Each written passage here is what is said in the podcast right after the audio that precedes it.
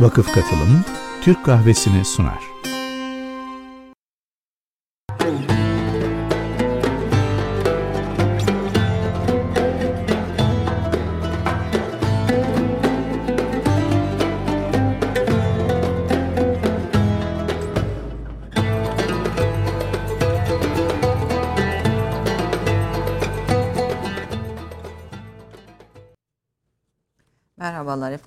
Türk Kahvesi'nden e, hepinize iyi sabahlar diliyoruz. Konum kıymetli bir müzik insanı, bir akademisyen, etnomüzikolog diye tanımlıyoruz. Böyle çok Evet. da iyi telaffuz edemiyorum. Bir halk müziği yorumcusu, kemane sanatçısı. Türkiye'de e, çok az sayıda kemane sanatçısı var. Evet. E, herhalde kadın olarak da siz ilksiniz. Evet Bu sahnede profesyonel anlamda hem çalıp hem söyleyen e, tek kadın sanatçı. sanatçı bir ve aslında e, kadın çalışmaları İstanbul Üniversitesi Kadın Araştırmaları Uygulama Merkezi'nin aynı zamanda yöneticisi doçent doktor Mehtap Demir konu.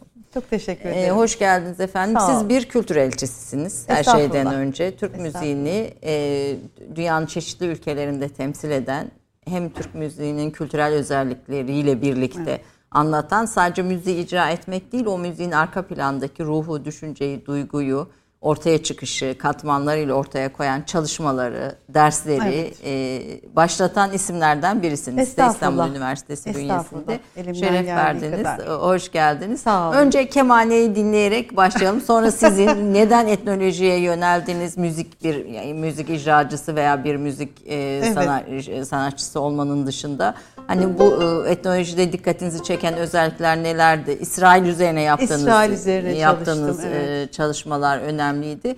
Biraz da Türkiye'nin bu katmanlı müzik yapısı, göçle ortaya çıkan Çıkan. e, yapısını konuşalım. Aslında kendimizi müziğin aynasında biraz tanımaya çalışalım istiyorum. Evet. Önce e, kemaneden evet. başlayalım. Önce kemanenin kendisiyle başlayalım. Çünkü çok katmanlılık meselesinde iyi örneklerden bir tanesidir kemane.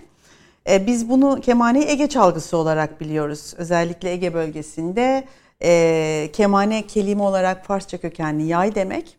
Fakat Ege'de kemene derler, hegit derler, e, gıy gıy derler. E, Ege bölgesinde yaygın olduğunu Türk kültüründe, Türkiye kültüründe biliriz.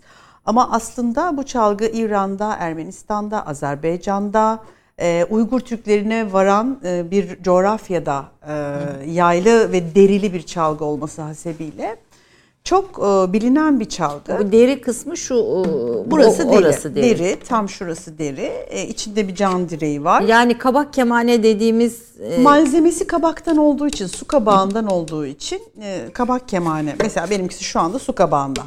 Şu bir kabağı. görmemiz mümkün olur mu? Evet. Evet. Bu bir su kabağı. Üzeri tabii cilalanmış şık görünsün diye. Su kabağı. Önündeki balık derisi. Bu bir balık derisi. Ee, o yüzden biz e, e, terminolojik olarak kabak kemane diyoruz. Ee, aslında bir bakıma bir e, yaklaşım hani her yaptığımız enstrümanın malzemesini söylüyor muyuz? Yani gül bağlama mı diyoruz? İşte Evet, ardıç aslında. bağlama mı diyoruz? Buna niye kabak kemane diyoruz? diyen bir yaklaşım var ki ben de onu destekliyorum. Adı kemane. Hatta Anadolu kemançası olarak dünyaya yaygınlığı var. Yani Anadolu'daki üslubu İran, Azerbaycan ve Ermenistan'dan farklı. Çalım tekniği farklı. Çünkü Ege özelliklerini katman olarak besliyor. Yani bir Akdeniz. e, a- evet Doğu Akdeniz çalgısı aslında. E, çünkü Antalya'ya varan bir e, ses sahası Yörük var. Tabii yörük için. çalgısı, gezici bir çalgı. E, bir benzerini de biz yine saray içerisinde İstanbul'da haremde görüyoruz. E, saray e, meclislerinde görüyoruz. E, rebap adı altında görüyoruz. Minyatürlerde de var. Aynı minvalde çalgılar bunlar. Fakat tabii ki halkın içerisindeki kullanımıyla e, sarayın içerisindeki kullanımı farklı. İran o anlamda İran menşeini biz yadırgamıyoruz. Yani onu görmezden gelmememiz gerekiyor. Çünkü e, o bölgeden sarayın içerisine de çok müzisyen, musiki, şinas gelmiş. Enstrümanlarını da getirmişler. E, yaygınlığı böyle bir çalgı. Yani aslında Osmanlı müziği, saray müziği dediğimiz müziğin e, bir kısmını İranlı sanatçılar taşımış. taşıdığı Mış- için, bu- e, rebap e, çalgısını biz minyatürlerden de görebiliyoruz. E, sonrasında sahada yani icra geleneğini de görebiliyoruz. E, kemaneyi de ben yani bir tarihsel bağ olarak e, halkın içerisine inmesini yine saray ve çevresi müziğinden etkilenerek oluştuğunu, Ege'deki yörüklerin de bir benzer çalgıyı kullandığını, İran müziğinin Ermenistan, Azerbaycan, Kafkas etkisinin de çok etkili olduğunu, birbiriyle örtüşen bir e, yapıda kemanenin e, okunması gerektiğini düşünüyorum. Aslında bir Karma bir çalgı Orta Asya, Doğu Akdeniz, bir Türk çalgısı ama Orta Doğu halklarının veya Orta Asya halklarında halklarının, paylaştığı e, bir Kafkas kültürünün e, e, baskın olduğu. Dolayısıyla çalgı her müzik türüne çok uygun. Siz biraz evvel sohbet ederken dediniz ya böyle bir Karadeniz müziği, Karadeniz müziği, e, hissi evet. uyandırıyor bende. E, çünkü e, çalgının e, ses yapısı, ses sahası, inceliği Türkiye'de müzik kültüründeki ikinci yaylı çalgı. Birincisi Karadeniz kemancesi yani ilki, ilki demeyeyim de Karadeniz kemançesi ve kemane iki tane yaylı çalgımız var bizim bize ait halk diyelim, müziğinde halk müziğinde kullandığımız. kullan- Dolayısıyla ses tınıları birbirlerine benziyor. Ama bu ses sahası olarak Kafkas müziğinde çalabilir, Ege müziğinde çalabilir. E doğal olarak Karadeniz, Güneydoğu müziklerini de çok rahat çalabilen bir enstrüman. E, bi- biraz sesini duyalım mı? Biz ne çalalım? Şimdi beni ile bilinen e, Bahtiyar Vahapzade şiiriyle o da oluşturduğum muhteşem bir ezgi var. Aslında muhteşem de bir Evet, şiirdir. görebilmeniz için nasıl Ee, uygun muyuz? Haleyli ya nedir Allah. ya nedir Allah? Bahtiyar Vahapzade şiiridir. Ee, Biraz ve aslında bu şarkının ortaya çıkış hikayesini de Tebriz dinleyelim. e, halk ezgisi çok bilinen e, Hafız Şirazi ile sözleriyle bilinen özellikle İran e, bölgesinde çok bilinen bir ezgiydi. Bir gün ben uçakta Bahtiyar Vahapzade şiir okuyorum yani kitap okuyorum ve melodiyle söylüyorum. Yani şiiri okurken hep böyle kafamda o melodi dönüyor. Dedim ki herhalde bildiğimiz yani duyduğum bir şeydir filan. Sonra bayağı bir araştırma yaptım ki hakikaten bu adaptasyon yok. Ve böyle biraz üzerinde çalıştık. Stüdyoda okuduk. Kendimiz dinlerken çok keyif aldık. O zaman bunu insanlarla buluşturduk 2016'da. Evet. Hala da çok seviliyor. Evet. Bahtiyar Vahapzade Hicaz makamına tekabül ediyor. Garip dizisi diyoruz biz buna. Ee, sözler Bahtiyar Vahapzade. Müzik Tebriz Anonim Halk Ezgisi.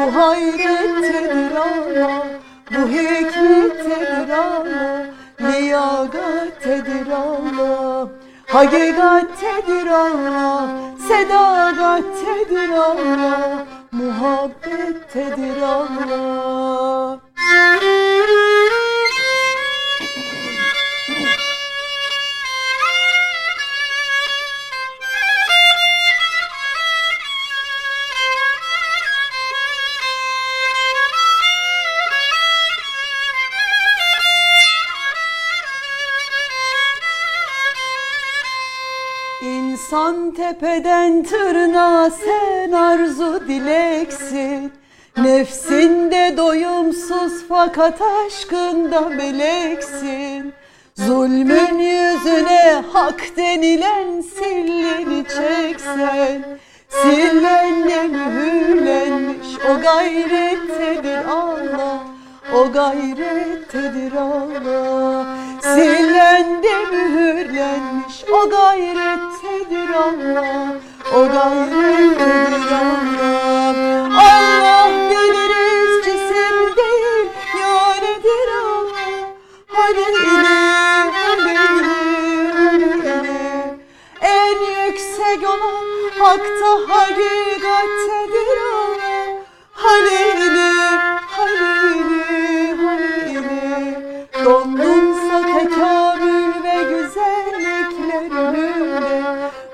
Bu hayrettedir Allah, bu hikmettedir Allah Liyagattedir Allah, hakikattedir Allah Sedakattedir Allah Muhabbettedir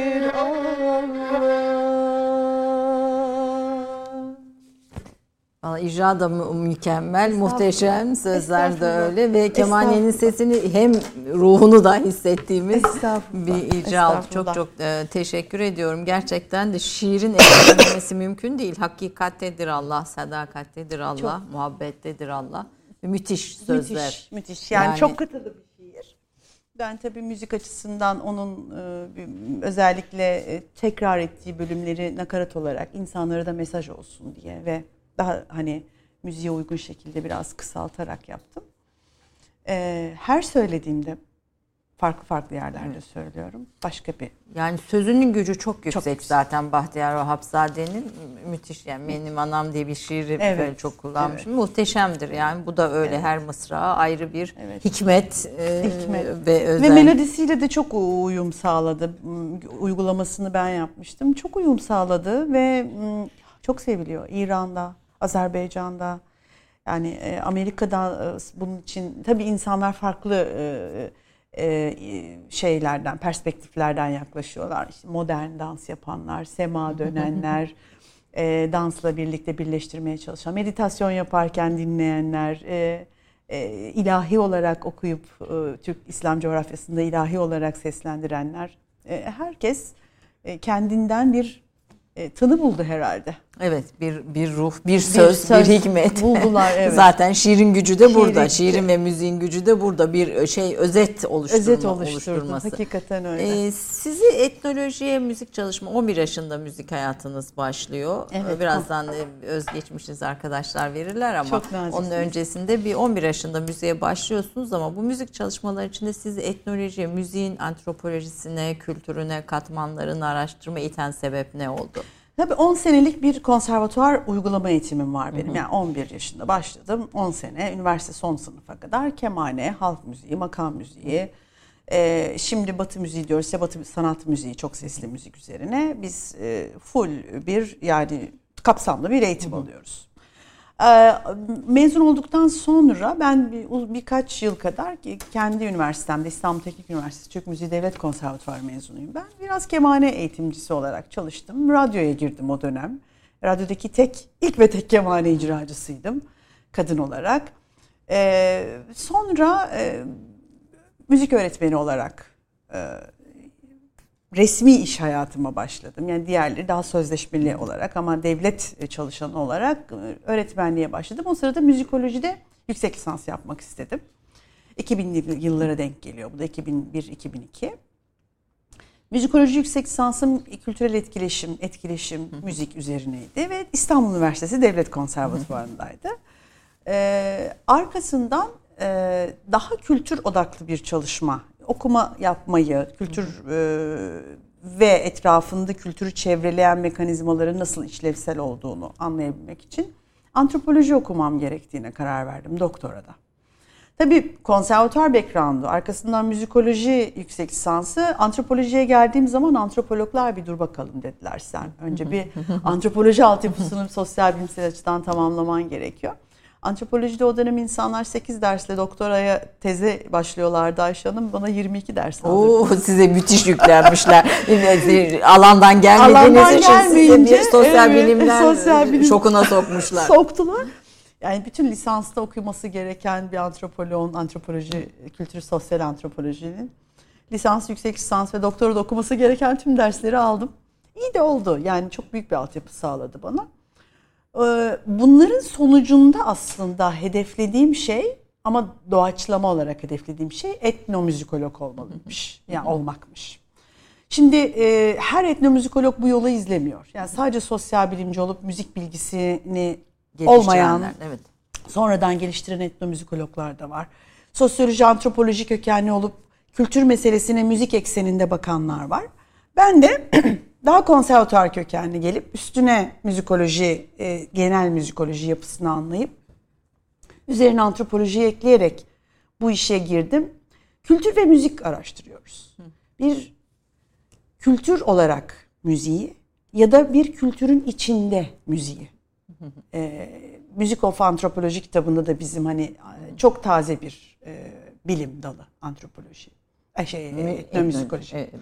Yani antropolojiden beslenen e, Aslında yöntem. biraz da e, e, sadece o da değil yani psikoloji, sosyoloji mesela yüz mimik işaretleri de var. Ben De var. Bu, bu Baktınız değil mi? Üzerine, Harika. Evet, Son Ulaş Özdemir, kitap. Evrim Hikmet Öğüt'le işte birçok çok kıymetli Burcu Yılmaz falan bir şeyin makalesinin Yıldızlar, olduğu evet. bir kitap. Belma Oğullar çok kıymetli evet, bir. kıymetli çalışmalar var bunun içinde. Evet. Mesela burada baktığımda şeyi görüyorum yani sadece e, yani kültür araştırmaları ile birlikte mimikler, sesler, duruşlar, aslında dönemler hani bir Dil. kapsamlı dil araştırmasının içine giriyorsun. Yani insanı çevreleyen, daha doğrusu canlıyı çevreleyen e, birçok mekanizmanın e, müzik neresinde, melodi, ses neresinde, e, onu nasıl kullanıyorlar, e, nasıl üretiyorlar, nasıl tüketiyorlar.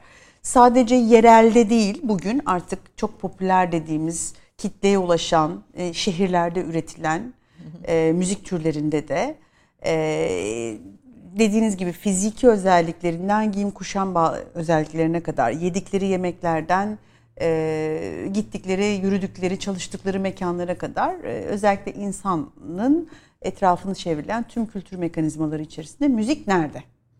Nasıl üretiliyor, nasıl tüketiliyor bunu soruyoruz. E, alameti farikası etnografi. Etnomüzikoloji için konuştuğumuzda onun yöntemsel olarak e, antropolojiden aldığını söyleyebiliriz. Çünkü niteliksel bir çalışma yürütüyoruz biz.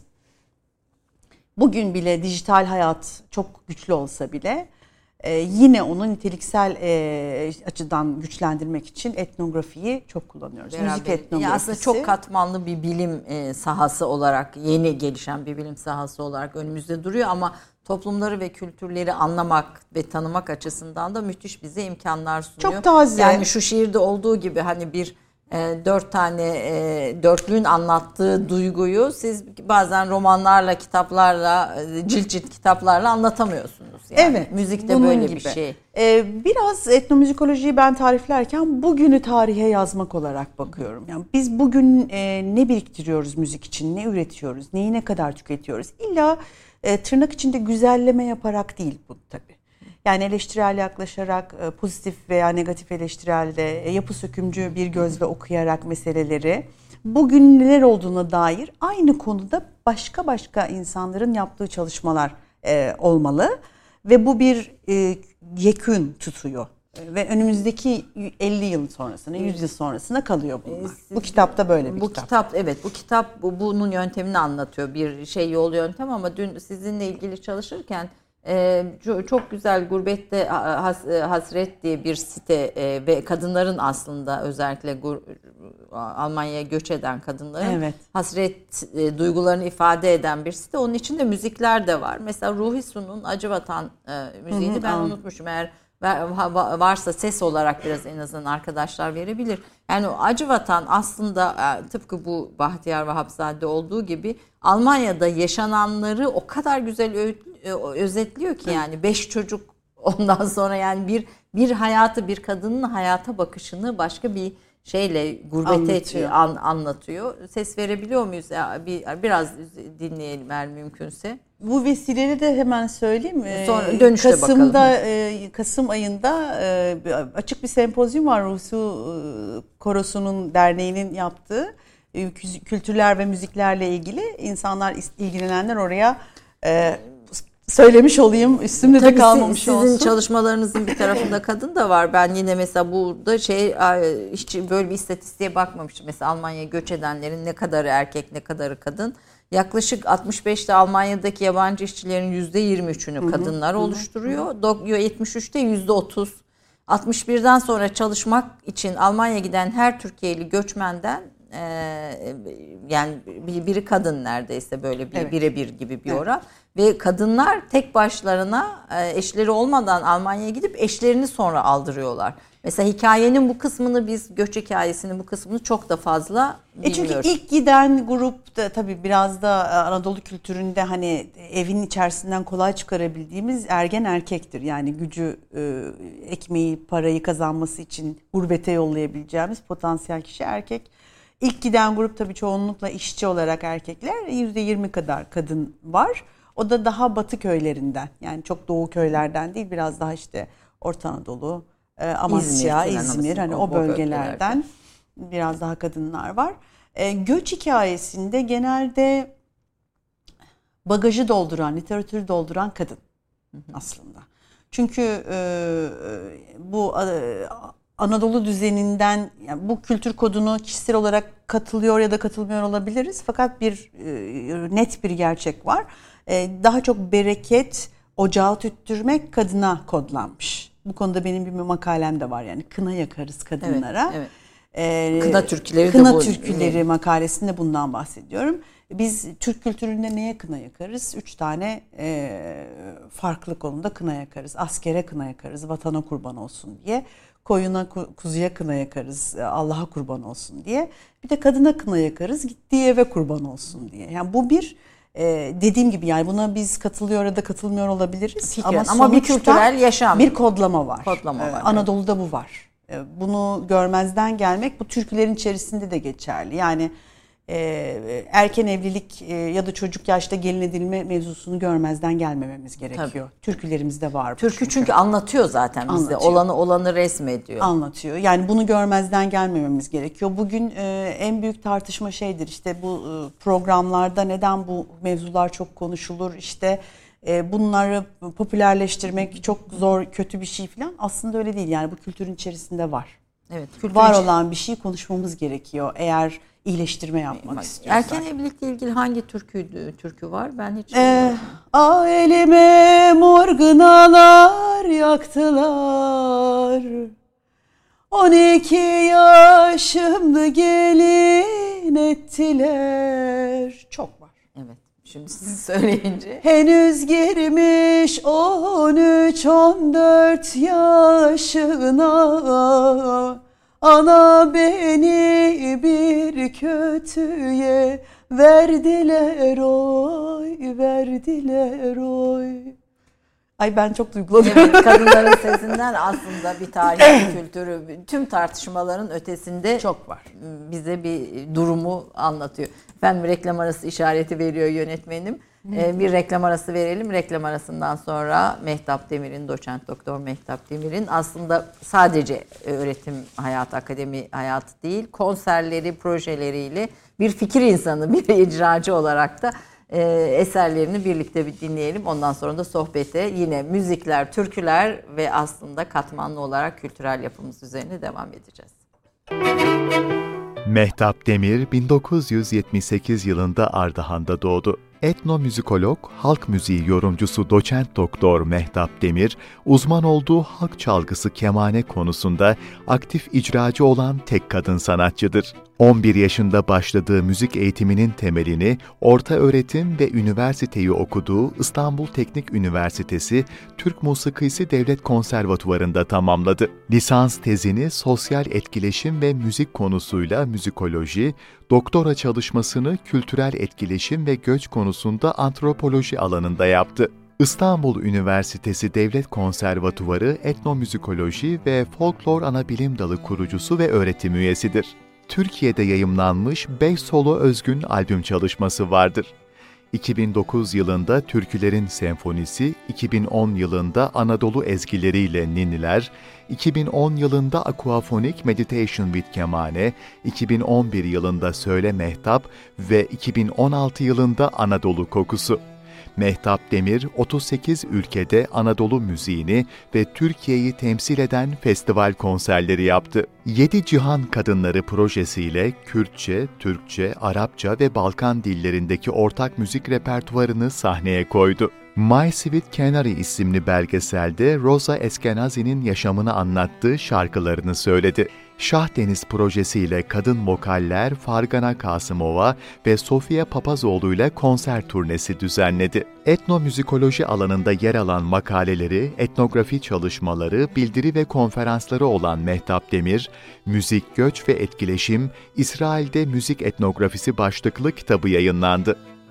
Ulaş Özdemir, Evrim Hikmet Öğüt'le birlikte Etnomüzikoloji, Kültürler ve Müzikler kitabını yayına hazırladı. İstanbul Üniversitesi Devlet Konservatuvarı Etnomüzikoloji Anabilim Dalı öğretim üyesi doçent doktor Mehtap Demir, aynı zamanda İstanbul Üniversitesi Kadın Çalışmaları Uygulama ve Araştırma Merkezi Müdürlüğü görevini yürütmektedir. Efendim dolu dolu bir e, ömür, bir hayat. Çok teşekkür Daha ediyorum. yapacak çok şeyiniz Ne güzel var. hazırlamışsınız. Önü- Tüm ekibe teşekkürler. E, çok güzel şeyler. Fakat bu konserler çok etkileyiciydi. Ben mesela şey hatırlıyorum. e, 2018 yılında sanırım Şah Deniz projesi Fargana Kasımova ve Sofia Papazoğlu'yla e, Evet. birlikte konser turnesi düzenlediniz. Biraz nasıl bir şeydi? Yani o ruh, o işte bir tarafta Azerbaycanlı bir sanatçı, bir tarafta tarafta. Yunanistan. Yunanistanlı bir sanatçı ve siz bir sahnede bir ortak duyguyu veren bir performans yapıyorsunuz. Ee, aslında e, o geceye şahit olanlar da duydular. Ya muhteşemdi onu ben biliyorum. naziksiniz, Arkadaşlarımız çok hazırladı verebilirse biraz verelim. Ee, ortak şarkımızı coğrafi olarak düşündüğümüzde o kadar çok olduğunu fark ettik ki biz repertuarı hazırlarken. Ee, benim tabii bu müzik ve kültürlerin geçişleri, müzik yolları, güzergahlar üzerine e, bilgi sahibi olmam bir avantajdı projeyi hazırlarken. Ee, kadın sesleri kullanmam her zaman benim sahnede yaptığım bir şeydir mesaj vermek açısından. Genelde kadın vokallerle birlik e, işler yaparım, konserler çıkarırım, projeler çıkarırım. E, hani çok bildiğimiz onda bunda şundadır, şunda onda bundadır. Aslında bir Azerbaycan e, ezgisi. Öyle mi? Azerbaycan Tabii halk ezgisi. E, ve onu e, Yunanistan'a gittiğiniz zaman çok popüler bir şarkı. Pare pare pare me diye Yunanca duyarsınız. E biz zaten onda bunda şundadır diye Türkçe, e. Türkiye Türkçesiyle söylüyoruz. Demek ki bir geçiş güzergah var. Yol güzergahı var, bir damar bu. E, ve müzik bunun en akışkan e, aracı. Yani daha çabuk ilerliyor, daha e, yoğun akılda kalıyor. E, hafızayı güç tut- tutmak daha kolay kolay, oluyor. evet. Dolayısıyla e, böyle repertuar var.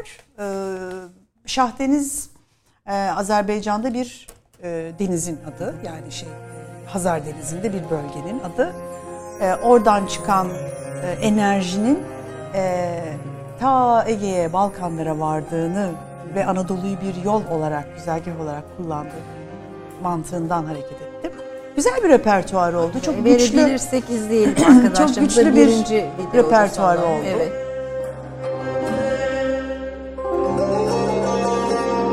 Bu e, Fargana Kasımova. Pargana Kasımova evet.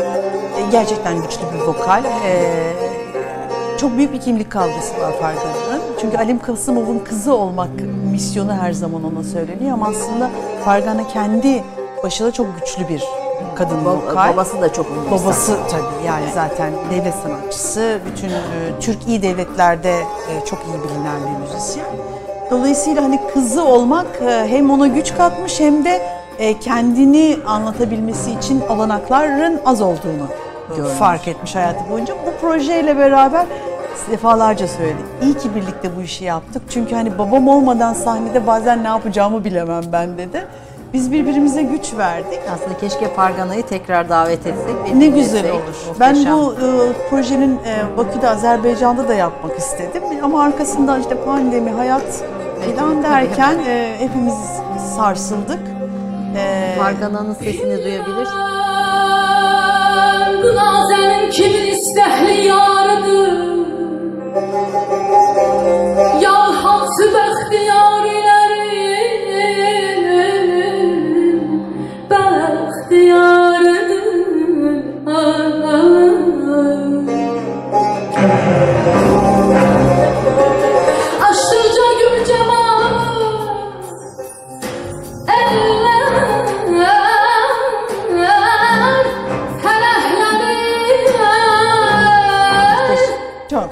Muhteşem.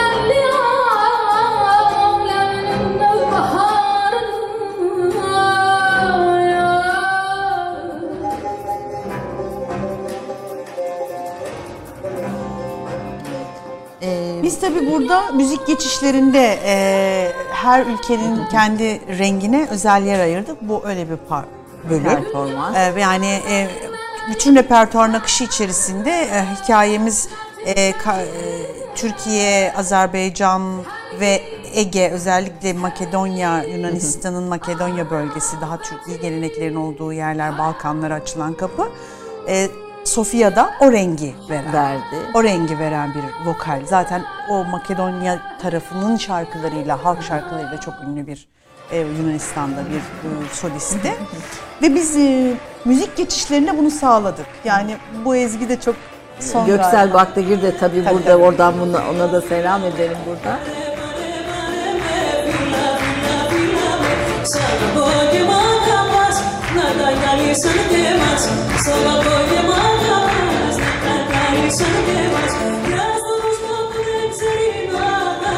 Şarkı çok biliniyor. E, on, öyle mi?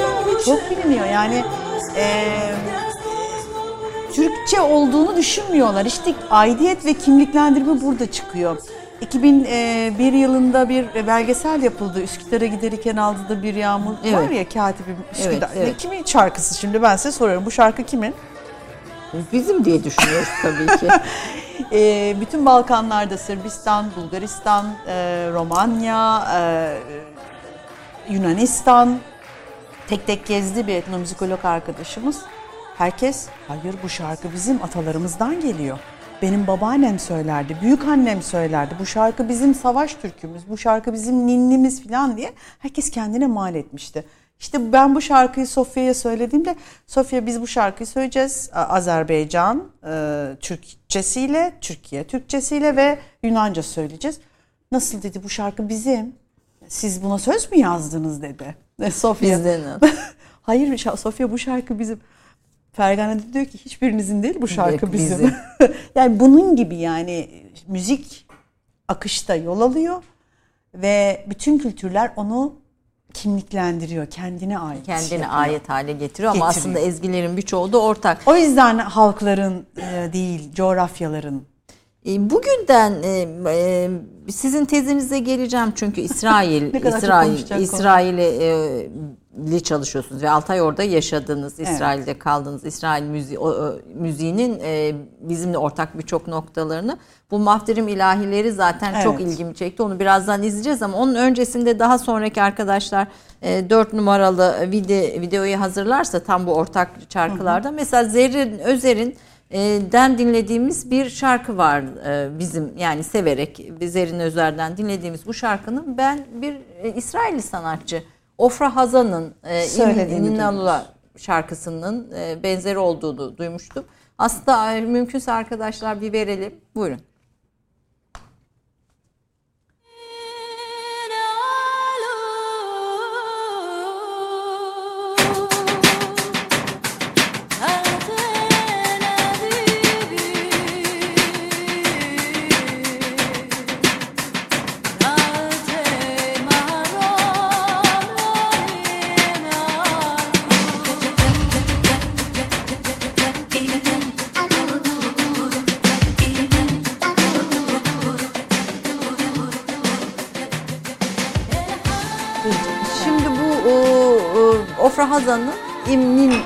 Alu aslında. İbranice E, söylediği İbranice bir şarkı. söylediği bir şarkı. Fakat Zerrin Özer bunu alıyor ve Hani Yemin'in e, Evet. varsa sesini arkadaşlar hazırladılarsa dinleyelim. Yani o kadar aslında o, ortak ve biz bunun bir e, İbranice bir İsrail'e ait bir şarkı olduğunu bilmeden, Bilmeden. dinliyoruz ve bize çok da aşina geliyor. Evet. Eğer verebilirsek İşte bunu e, popüler kültürde bu karşılaşmalar çok fazla ama aslında yerel kültürlerde de çok fazla e, iki müzik türünde.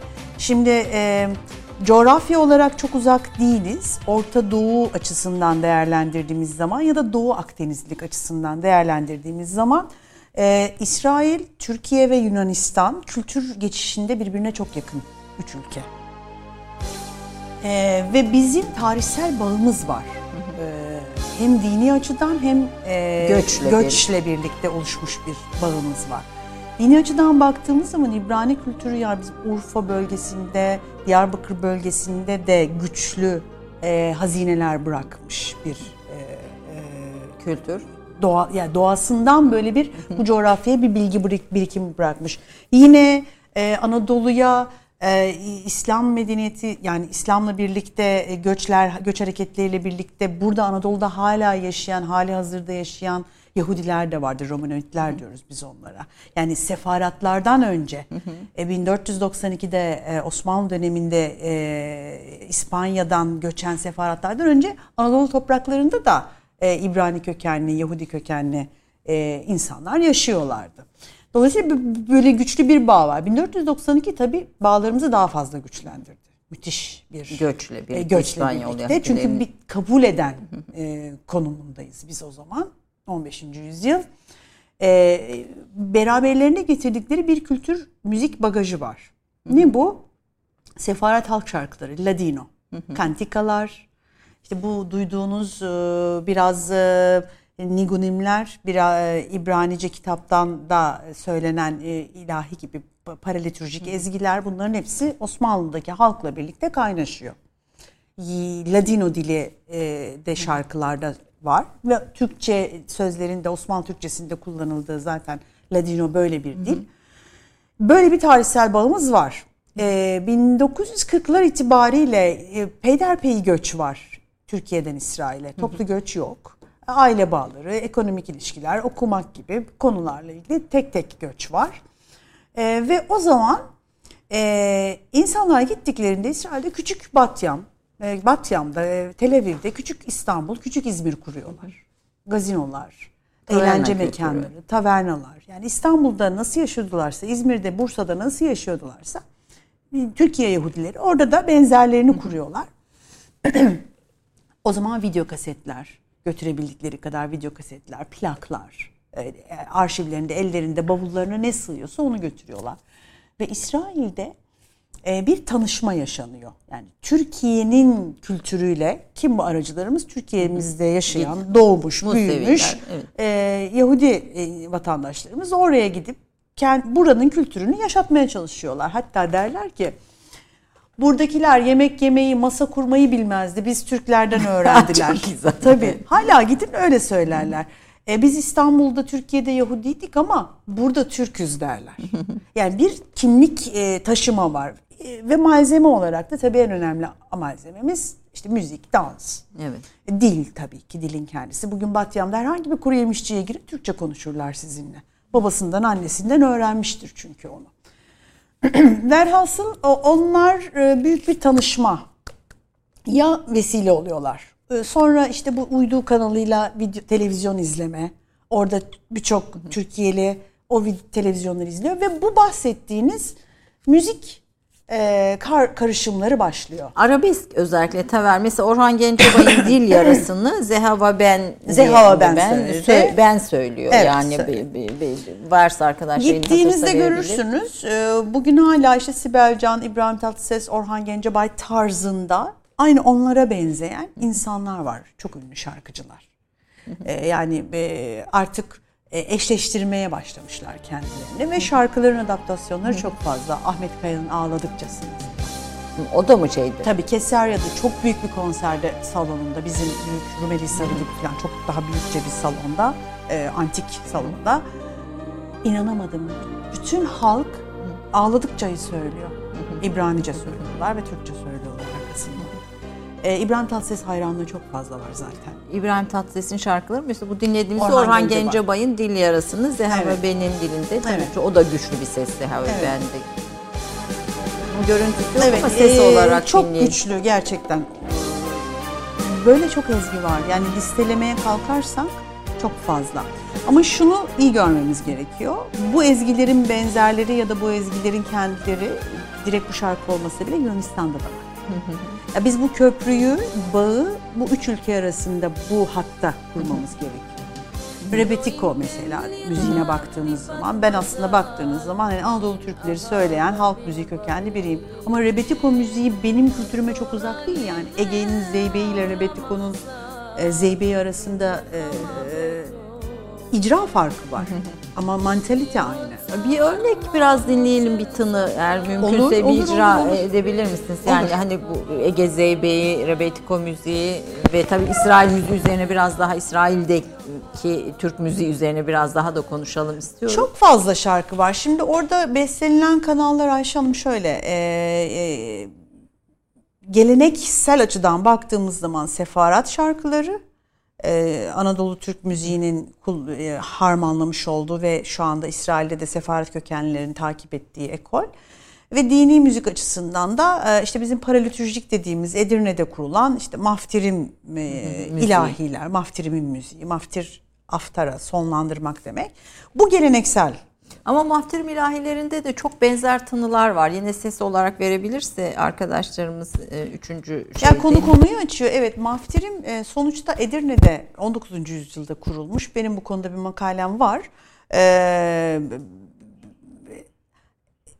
bizim tasavvuf tekke kültürümüze yani İslam e, Müslümanlığın tasavvuf tekke kültürüne istinaden o etkileşimle oluşturulmuş yani İlahiler. bir e, Kalan bu konuda kalan müzik bir şey de çıkarttı. Asker Hasteylin. tabii tabii 2001'de çıkardı. bir albümü de vardı. vardı. Yine Gözlem Yayın Evi'nin kendi çalışması çok önemlidir. Karen Gerson Şarhon'u burada konuşmak gerekir. Çünkü çok büyük bir külliyat olarak çıkardılar. Hem de çok ciddi e, hem e, İspanyolca hem e, Türkçe hem e, İbranice, İngilizce açıklamalarıyla Afterim'in tarihçesini de çok iyi anlattıkları ve bütün defterleri, e, ulaşan bütün defterleri yeniden notaya aldıkları bir çalışma var.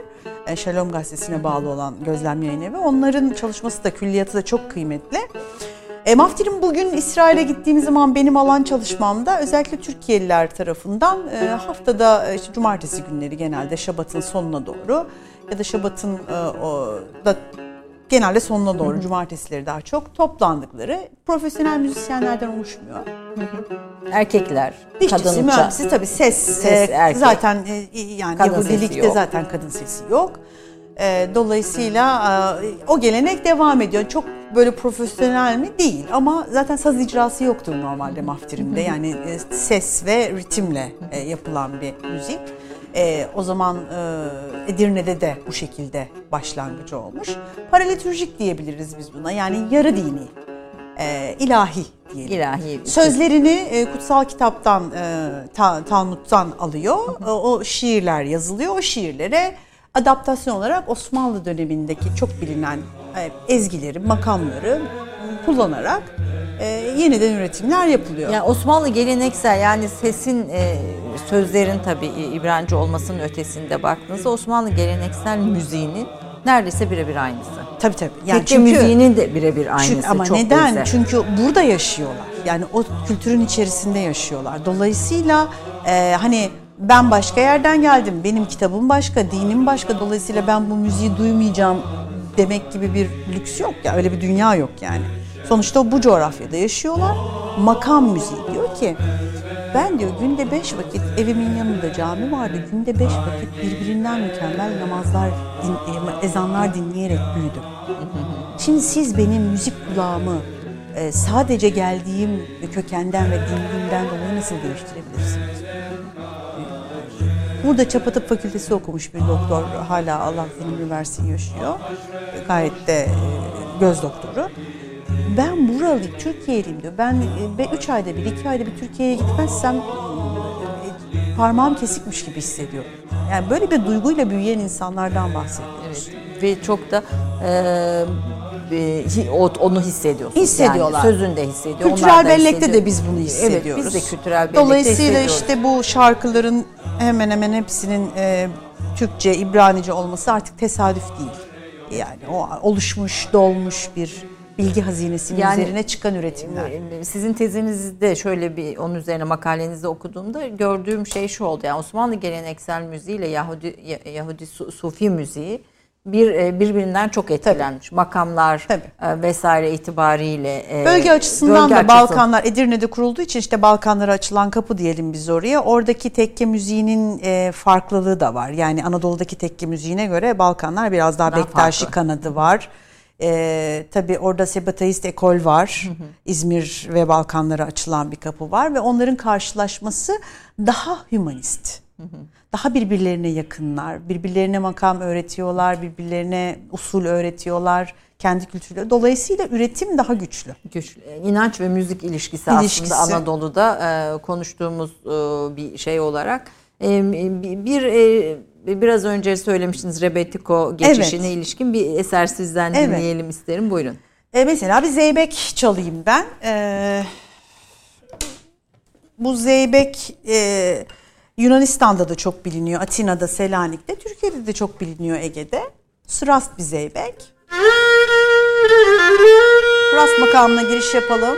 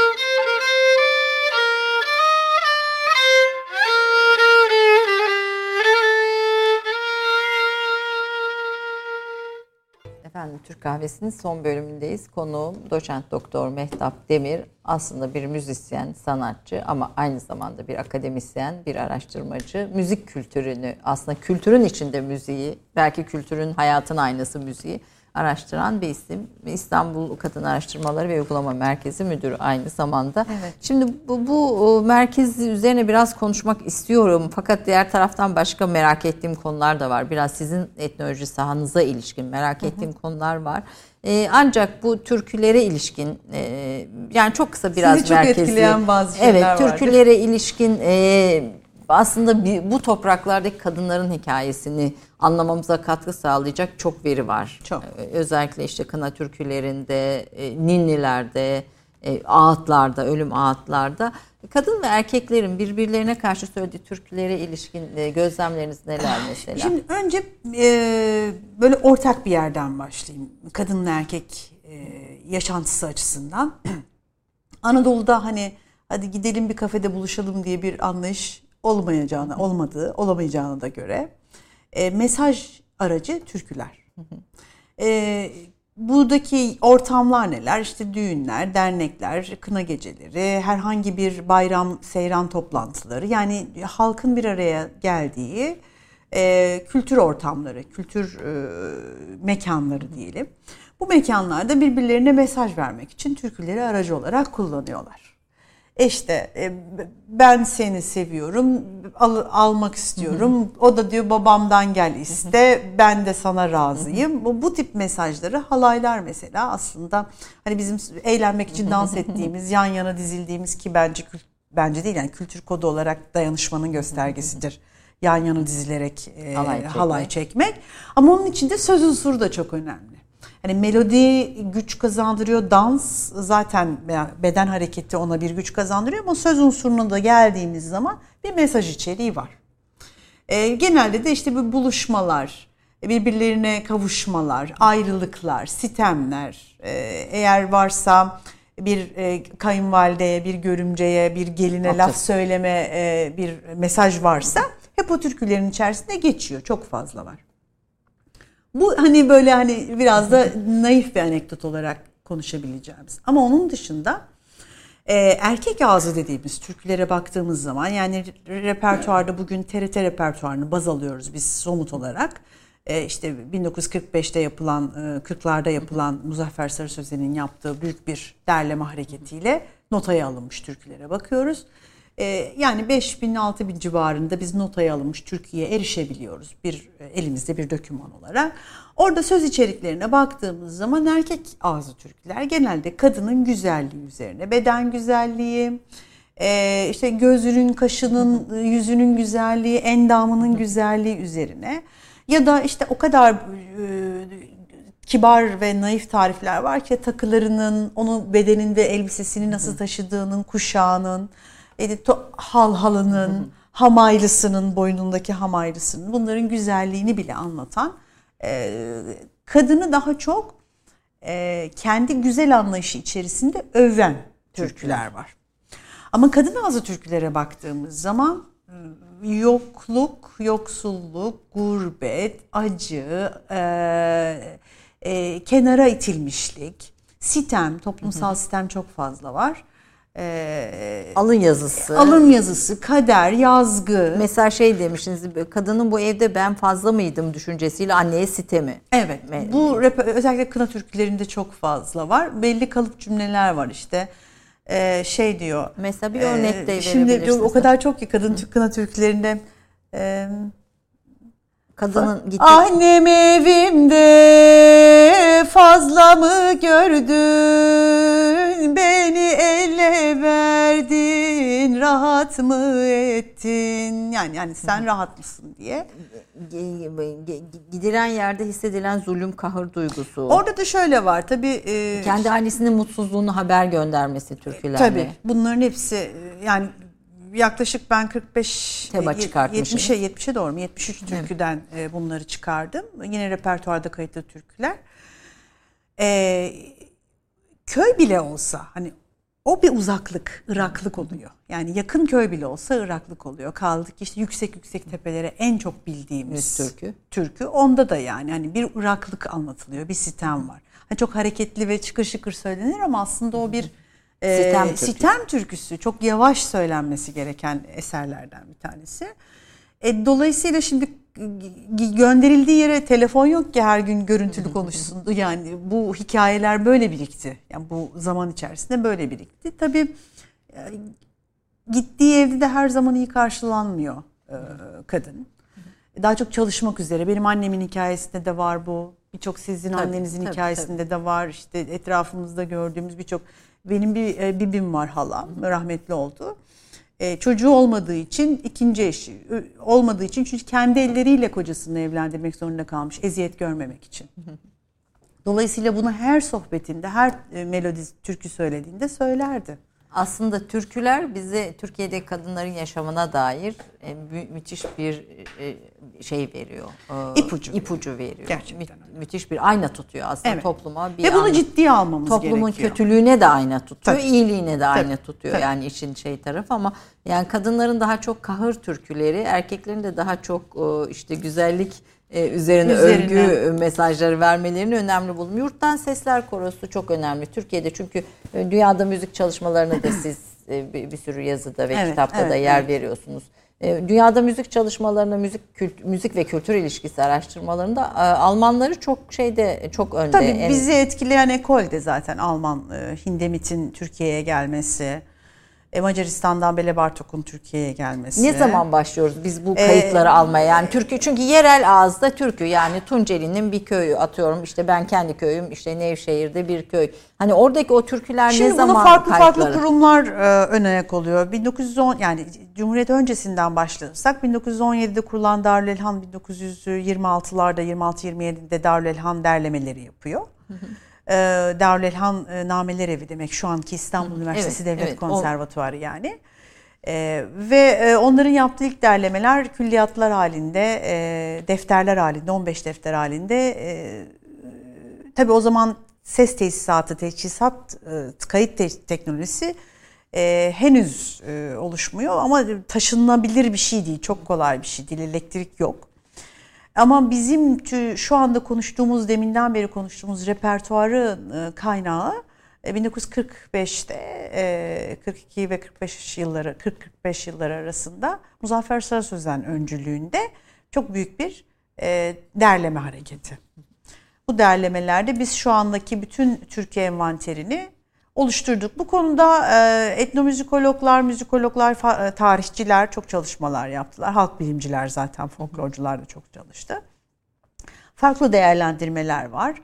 Anadolu müzik kültürünü Türk, Türkçeleştirerek e, derlendiği iddiaları var. Bunun e, olmasaydı bugünkü repertuara ki ben bu ekoldenim. Yani eğer bu derlemeler, bu yapı çalışmalar o zaman olmasaydı her şeye rağmen biz bu kadar büyük bir repertuara ulaşamazdık, Sahip sahip, olmazdık. olamazdık. Yok olur giderdi. Yani aslında e, bu diyorsunuz geleneksel bir yazınızda modernite arasında fikirsel bir duruştu. Tamamıyla e, bir Evet. sanatsal duruş olarak. Yurttan sesler. Bu repertuarın sonucunda çıkan şeydir yurttan sesler. E, Muzaffer Sarı Sözen'in orada bir vizyon koyması, bir ideoloji koyması aslında, ideolojik bir duruş sergilemesi. E, geleneği çok iyi bilen insanlarla e, o sırada Türkiye'nin mücadele ettiği batılılaşma ve modernleşme sürecinde bir duruş sergilemesi, sıkışmanın içerisinden bir çıkan bir sonuç yurttan sesler. Ee, kadın ve erkeğin yan yana e, eser icra ettiği e, karma bir koro, profesyonel olarak tek ağızdan bir melodiyi söyleyebilme yeteneğinin eğitiminin verilmesi, e, e, ekran için, televizyon ve radyo için muntazam bir koral duruş sergilemek açısından ve e, yani moderniteyle hep yani makalede de aslında güzel özetlemişim ben kendi kendime söylemiş Evet, olmayayım da evet. moderniteyle geleneğin bir e, ara, ara bulucusuydu. Ve bir tür halk ezgilerini yeni bir yapı ve sistem içinde 50'li yıllarda e, sunan Söylemek bir koro ve sesler ve bu repertuarın 45-45 arası bu 40'lar sonrası yapılan bütün bu derlemelerin e, bir şekilde mikrofona ve e, kayıtlara yansıması gerekiyordu. Yani Van'dan derlenen, Erzurum'dan derlenen bir türkünün yine o yöresel üslubu bir nebze koruyarak ama bir yandan da daha geniş bir kitleye radyo mikrofonu aracılığıyla ulaşacağının bilincinde olan insanlar, radyo sanatçıları. E, Tabii bir bir de, de o dönem televizyonların İstiklal Marşı ile açılıp Kerkük türküleriyle kapandığı da bir dönem aslında o bir milli duygu ve ruhun Evet. e, Ulus devlet e, yapılanması döneminde e, hem e, ideoloji, devletin ideolojilerini tutturmak hem de o milli birlik, millet olma güdüsünü e, bir arada tutmak için e, yurttan sesler, kelime de çok güzel, yurttan sesler. sesler. E, Bir röportajda Sarı Sözen'in şöyle bir alıntı yapmışsınız yazınızda. Radyonun sımsıkı tuttuğu ve başardığı halk türküleri yayımı ne sadece dinleyicilerine hoş bir vakit geçirmek ne de yalnız türkülerimizin çeşitleri hakkında fikir vermekten ibaret değil. Gönüllerimizi bir araya toplamak ve bütün memleketi tek duygu haline getirmek yurttan seslerin başlıca hedefidir. Aslında müzik bir ideolojik aynı zamanda da Evet. bir ülkeyi bir arada tutan bir ruh bir bütünleyen bir ruh olarak da burada kullanılıyor. Her dünyada e, bu kadar ülkeye gezdim gördüm. Bu kadar çalışmanın içindeyim. Dünyada her ülkenin ulus devlet yapısını, millet yapısını tutması için, bir arada tutabilmek için, o milli birlik duygusunu yakalayabilmek için yaşadığı, e, yoğun yaşadığı bir dönem vardır. Müzik yani bunun aracı olarak e, müziği kullandığı dönem vardır. Her ülkenin, Almanya'nın da vardır, İsrail'in de vardır, Yunanistan'ın da vardır. Mesela 1924 mübadeleden sonra Türkiye hani Hristiyan ve e, dine göre, din ayrımına göre mübadele oldu ya Evet. e, Cumhuriyet yani tarihimizde. Hristiyanlar Yunanistan'a gitti. bu Müslüman. Anadolu Aslında etnik Hristiyan. değil tamamen dini, Dini bir göçtür bu. göç oldu. Ee, Ondan sonra Yunanistan'da bu milli şuuru yaratabilmek için kendilerince buradan giden insanlar makam biliyor.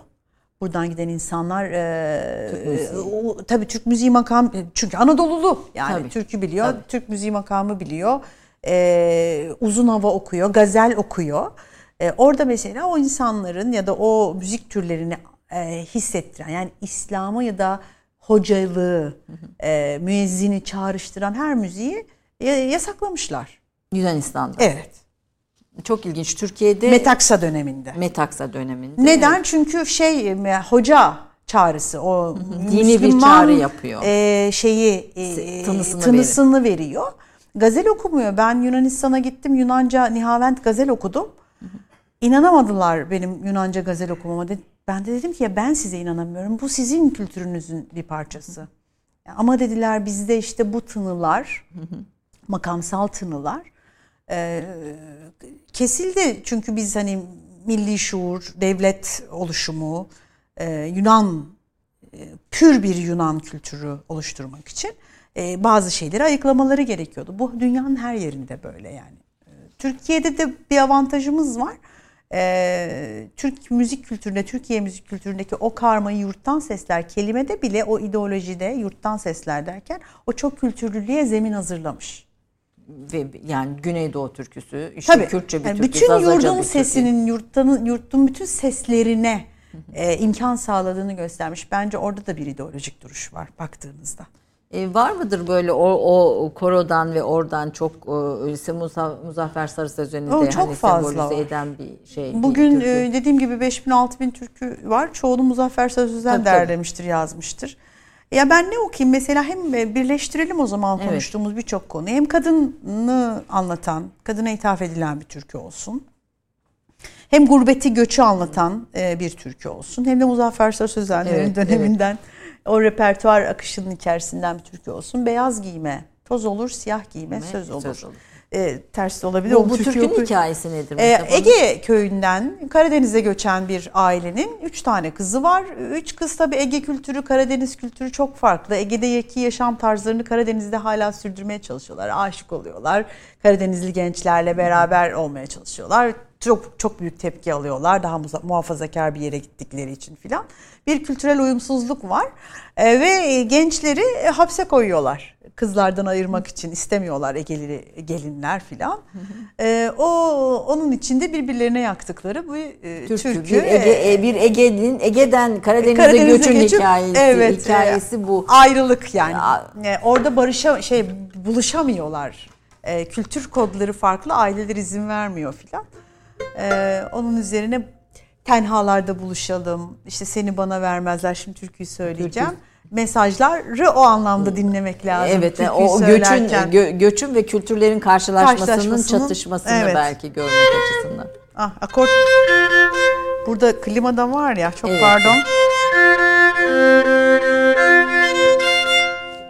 Olduğu kadar ne olur Mehmet hocam beni. e, bir e, hoca da olduğu için aynı zamanda detaylı önce bir olayı tarif ediyor, anlatıyor. Değil mi? Klima da var filan. Klimada falan var deyip bir O öğretmen E, Klima etkiliyor ama değil mi?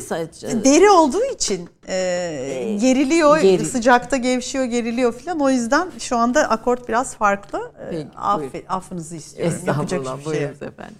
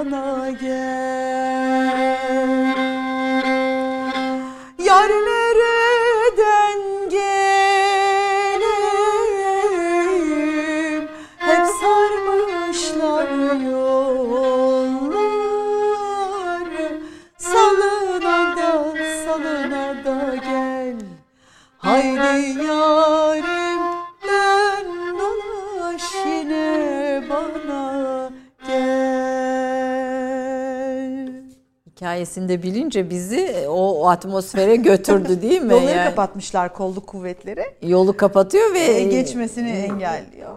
Bu da hikaye hikaye hikayeler de türküyü toplarken hikayeleri de E, topluyor. Biliyorsa kaynak kişi bizim için muhteşem bir şey tabii. Hani e, varyantları çok fazla oluyor hikayelerde Ayşe Hanım. Yani siz söylediğinizde sizin için Mesela bu Sarı Gelin türküsünün de farklı farklı bir Tabii. sürü anlatımı var. çok fazla. e, yani birçok türkü için bunu söyleyebiliriz. Herkes kendi bildiği hikayeyi, ailesinden e, ya da çevresinden duyduğu hikayeyi.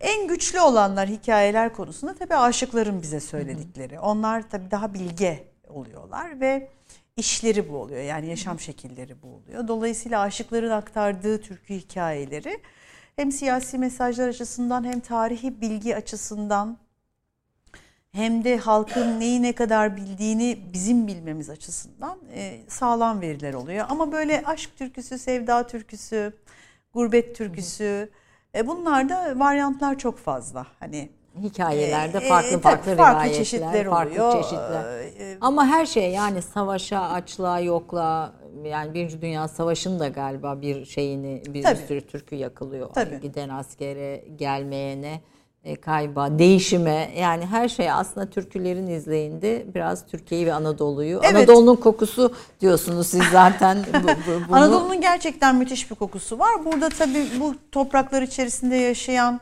kültürleri de e, farklı e, kültürlerin bıraktığı izleri de çok iyi görmek ve kabul etmek gerekiyor, içselleştirmek gerekiyor. E, Türkiye Türkçesinde Türkçe'de söylenen ezgilerin yanı sıra işte Kürtçe ezgiler, Ermenice, Lazca, Gürcüce, e, aklıma şimdi gelmiyor birçok e, yerel dilde de e, melodi mirası ve söz mirası var. Ama çok karma. E, bu insanlar e, Türk bu coğrafyada Anadolu'da yaşayarak birbirleriyle birbirlerini yurt tutmuş insanlar. E, keskin ayrımlar ve e, politik e, yaşa şekiller sonradan sonradan yani son yani ne dönemlerde. güzel söylediniz birbirini yurt tutmuş, Yurt tutmuş insanlar. insanlar, tabii. Gerçekten bu çok önemli. Ee, sizin e, projelerinizden birisi de Yedi Cihan Kadınları projesiydi Evet. mesela. Kürtçe, Türkçe, Arapça, Balkan dillerinde ortak müzik repertuarını e, sahneye koydunuz.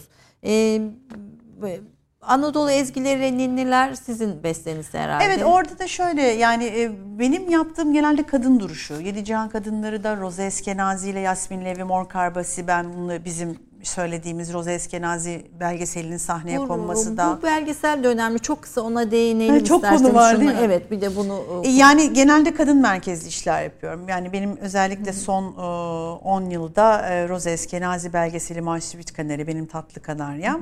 E, Osmanlı Yahudisi As, Askena- Aşkenaz kökenli bir aile.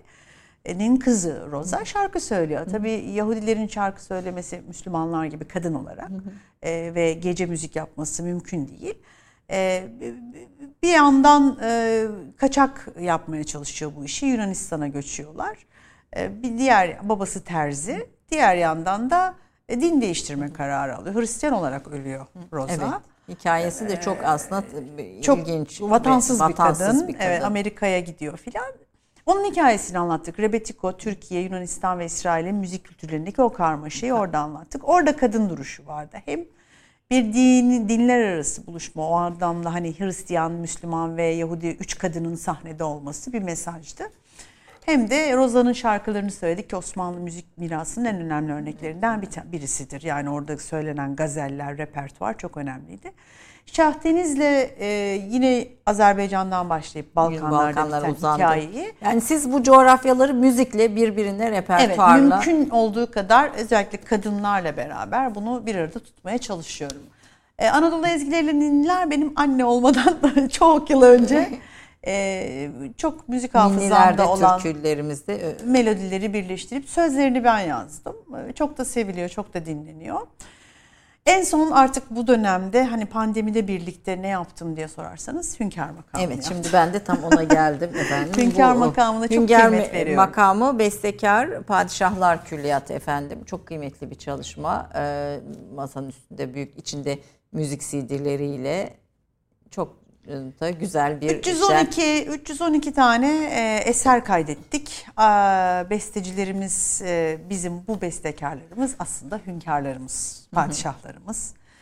E, Yani burada tabii e, müzik yönetmenleriniz de Murat Salim Tokaç, Tabii. Göksel Baktigir, Mehmet Güntekin, Fikret Karakaya, Güler Demirova yani Güler birbirinde- Demirova evet o da mesela şey e, benim arşivden ilk defa çıkardığım ben de hafızayı tahsilimi arşivden ilk defa çıkardığım e, bestecimiz e, Sultan 4. Murat'ın e, eserlerini pardon Sultan 5. Murat'ın çok özür dilerim Sultan 5. Murat'ın eserlerini el yazması Nadir Eserler Kütüphanesi'nden çıkardım. Ben inanamadım yani bayağı melodiler var bayağı polkalar bestelemiş, valsler bestelemiş. Sultan 5. Murat Sultan 5. Murat ve e, orada defterlerden bir tanesi duruyor. Üç deftermiş onlar. İki tanesini bir şekilde e, çıkarmışlar da icrada hiçbir şey yoktu. Ben e, Güler Hoca'ya Ankara'dadır.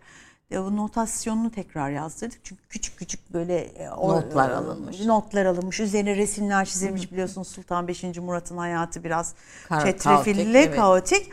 Üzerine resimler çizmiş, notlar düşmüş, işte melodiyi yarım bırakmış filan.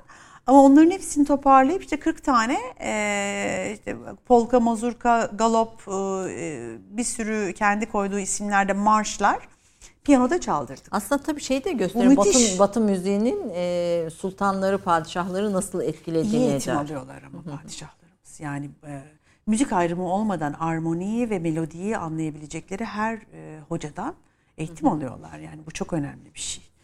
E, Beyazıt eserleriyle başladık. Sultan, Sultan 4. Murat, dördüncü var. Murat Sultan var. 3. Selim var. Sultan e, Mehmet Reşat'ın da var. Vahdettin'in var. 9 E, Bizim için Vahdettin de mesela bu çalışmada var. Ben de önemliydi. ilk defa Vahdettin'i burada Vahdettin'in bestesi İlk olduğunu duydum. defa da çalındı Vahdettin'in eserleri. Yani bu şey e, icrada da yani son eserlerde müzik biliyor musunuz? bestelemek de yani müthiş bir müzik bilgisi de gerektiriyor hani. E, e, ya mesela Vahdettin'in eserleri hani böyle zorca eserlerdi. icracılar da bunu söylediler ama bence e, olağanüstü bir müzik bilgisi vardı o eserlerde. Ama hiç kimse daha evvel çalıp söylememiş eserleri. Biz o anlamda hünkâr makamını hem e, bir e, yani benim zaten m, kalıbından da anlaşılıyor. Böyle diplomatik bir hediye Türkçe İngilizce olarak hazırladık biz bunu. E, bizim müzik kültürümüzde Osmanlı padişahları yani hünkârlarının e, musikiye, kültür değerlerine ne kadar önem verdiğini kendi şahsi üretimlerinden e, yola çıkarak anlamamız gerektiğini e, mesajını veren bir çalışma bu. E, bir de o geleneğin e, bugüne uzantısı olduğunu ve bugün hala icracıların bu uzantıya o külliyatlar akış aracılığıyla sahip çıktığını, bugün ne halde olduğunu da geleceğe bırakmak açısından. açısından bir köprü aslında. Köprü. Emre Aracı'nın bir çalışması Var. vardı ve Var. padişah besteleri üzerine. Bu bu bu anlamda ikinci çalışma ve onda olmayan eserler var Ee, burada. Emre Arıcı'nın çok kıymetli bir çalışma biraz daha böyle bir marşlar, valsler yani biraz daha batı müziği formunda yapılan e, eserlerle ilgili çalışmıştı sanıyorum. Bunda tamamen bir e, Osmanlı padişahı ne bestelemişse onu bulup çıkarıp tabii bize koruyarak. Tabii. Ya bize tabii bunlar şey hani Beyazıt'ın eserinin gerçekten Beyazıt'a ait olup olmadığını bir yerde yazmıyor. Ama bize gelen e, e, kültür aktarımıyla, usta çırak ilişkisiyle gelen, ekollerle gelen bilgiler var. O bilgiler ışığında biz bunları derli toplu, hünkâr makamıyla bestekar padişahlar külliyatı hem de içine CD'lerini koyarak bugünün çok uzman seslerinin onu icra etmesiyle Fikret Karakaya mesela hocamız Beyazıt dönemi eserlerini o dönemin sound'uyla yani o dönem düşündüğümüz hani okumalarımızdan, yazmalardan anladığımız sound'u vermeye çalıştı stüdyoda. Bunlar önemli. Bunlar Kayıtlar da hassas önemli. şeyler. evet. Kayıtlar da önemli. Yani Kayıtlar da önemli. ve şimdi tabii bu kayıtlar yönetmenim süreniz bitti diye işaret ediyor ama ve lakin bu kayıt Yine geleceğim. bu kayıt evet bence de. Bu kayıtlar e, yani teknik gelişmelerle fonografinin ilk bulunmasıyla kayıt başlıyor yani. Özellikle biraz oryantalist çalışmaların da gördüğüm kadarıyla sizin yazınızda kitapta da okuduğum kadarıyla biraz oryantalist çalışmaların bir yan kolu olarak müzik çalışmaları Evet. beraberinde başlıyor. Evet. Yani Afrika müziği, Evet. Kızılderili müziği, Evet, evet. Yani Tunus, Kuzey açıdan, Afrika evet. müziği hani bu, bu- ve bir, biraz böyle bir şey sürecin içinde ama daha sonra her ulus kendi milli kimliğini sahip çıkmak adına bu kayıtları daha da kendi kültürel Evet, burada en kimliğini önemli keyword tabii şey, e, halk ezgileri. Halk, Almanlar da böyleydi. Dediğim gibi birçok ülke halk melodilerini bu anlamda kullandılar. E, her ülkenin kendi saray e, erkanı var ve saray müziği de var. İşte bizde Osmanlı e, gerçekten kıymetli bir müzik mirası bırakmış. Yani biz yazmalardan o nota, notasyona geçmede eğitimli müz- musiki şinas oluşmasını yine Osmanlı dönemi son dönemine son borç- dönemine borçluyuz. borçluyuz gerçekten. Peki e, son söz olarak bugün boz- bozulma, yozlaşma e, veya müzikte sizi üzen şeyler neler diyerek bitireyim. Bir çünkü kü- küçük de bir icra rica edecektim ama ona vaktimiz kalmadı Evet sanırım. yani e, hayatın akışı içerisinde boz- bozulma ve yozlaşma olduğunu hiçbir zaman söylemem doğru değil. Söyleyemem ben. Her dönem kendi aurasını yaratıyor, kendi birikimini yaratıyor, kendi orijinalisini, orijinal e, otantiğini ve kültünü yaratıyor.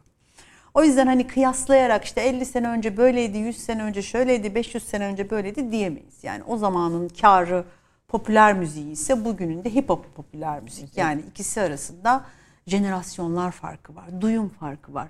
O dönem o kardaki melodiyi duyan kulakla bu dönem hip hop'taki melodiyi duyan kulak arasında biyolojik fark var bir kere yani. Hani gen kodlar değişiyor filan. O yüzden bittik öldük filan diyemem. Ama beni en çok üzen şey e, bir konuda konuşurken, bir konuda çalışırken, müzik yaparken hani birazcık hakim olmak. Bir oturup bir ben ne yapıyorum? Hemen e, üstün körü değil de hani ne yaptığını bir hakim olursa özellikle orijinal müzik yapmaya çalışan e, müzisyenlerde, müzik arkadaşlarımda e, görüyorum onu. E, makamı bilmeden yani 13 tane basit makamı bilse bana, bize yeter. Onu bilmeden e, Türk makam müziği hakkında konuşmaya çalışması mesela ya da onunla ilgili bir e, söz söylemesi. Bunlar üzücü şeyler, yıpratıcı şeyler. Bilginin çünkü çok hızlı yayılıyor. Eskiden öyle değil. O reduce Bilgiye ulaşmak çok azalıyordu. kolay. Yani o yanlış bilgi yavaş yavaş azalarak gidiyordu ya da yanlışsa da o, o şekilde öğreniliyordu. Doğru kabul ediliyordu bir yerden sonra. Ama şimdi anında yayılıyor. Ucunu almak, önünü almak çok mümkün değil. Öğrencilerinizde söylediğiniz şey en önemli şey nedir e, sonuçta? E, E, tabii etnomüzikolog yetişiyorsanız yani e, müzik kültür çalışmalarına sosyal bilimci gözüyle bakıyorum diyorsanız sosyal bilimler literatürüne ve e, e, en az iki yabancı dile hakim olmanız gerekiyor. Yani İngilizce dışında bir yabancı dil daha harika olur. Bir de bölge uzmanlığı çok güzel olur. Peki. E, Tür- Türkiye Çok. Türkiye coğrafyasını müzik olarak Anadolu'yu anlatacak olsanız, Anadolu'nun kokusunu diyelim verecek olan şey sizce nedir? Yani neyi bir bütün olarak birleştirdiniz? Kafkaslardan Balkanlara. Yani bu Anadolu müzik kültürünü ben her zaman söylüyorum bir alaşım.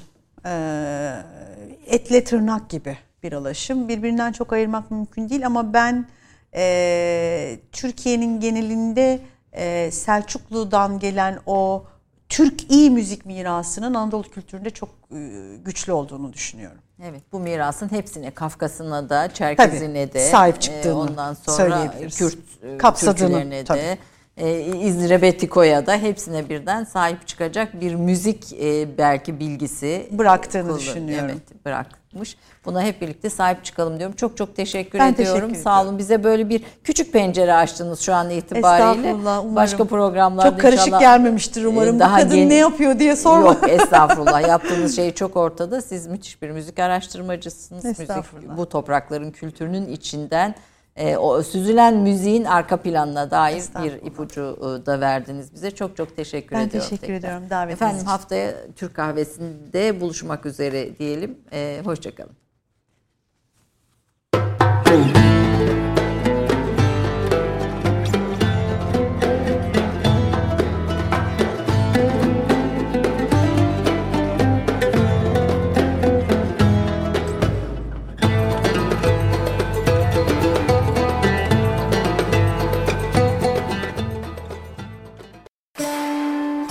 Vakıf Katılım Türk Kahvesi'ni sundu.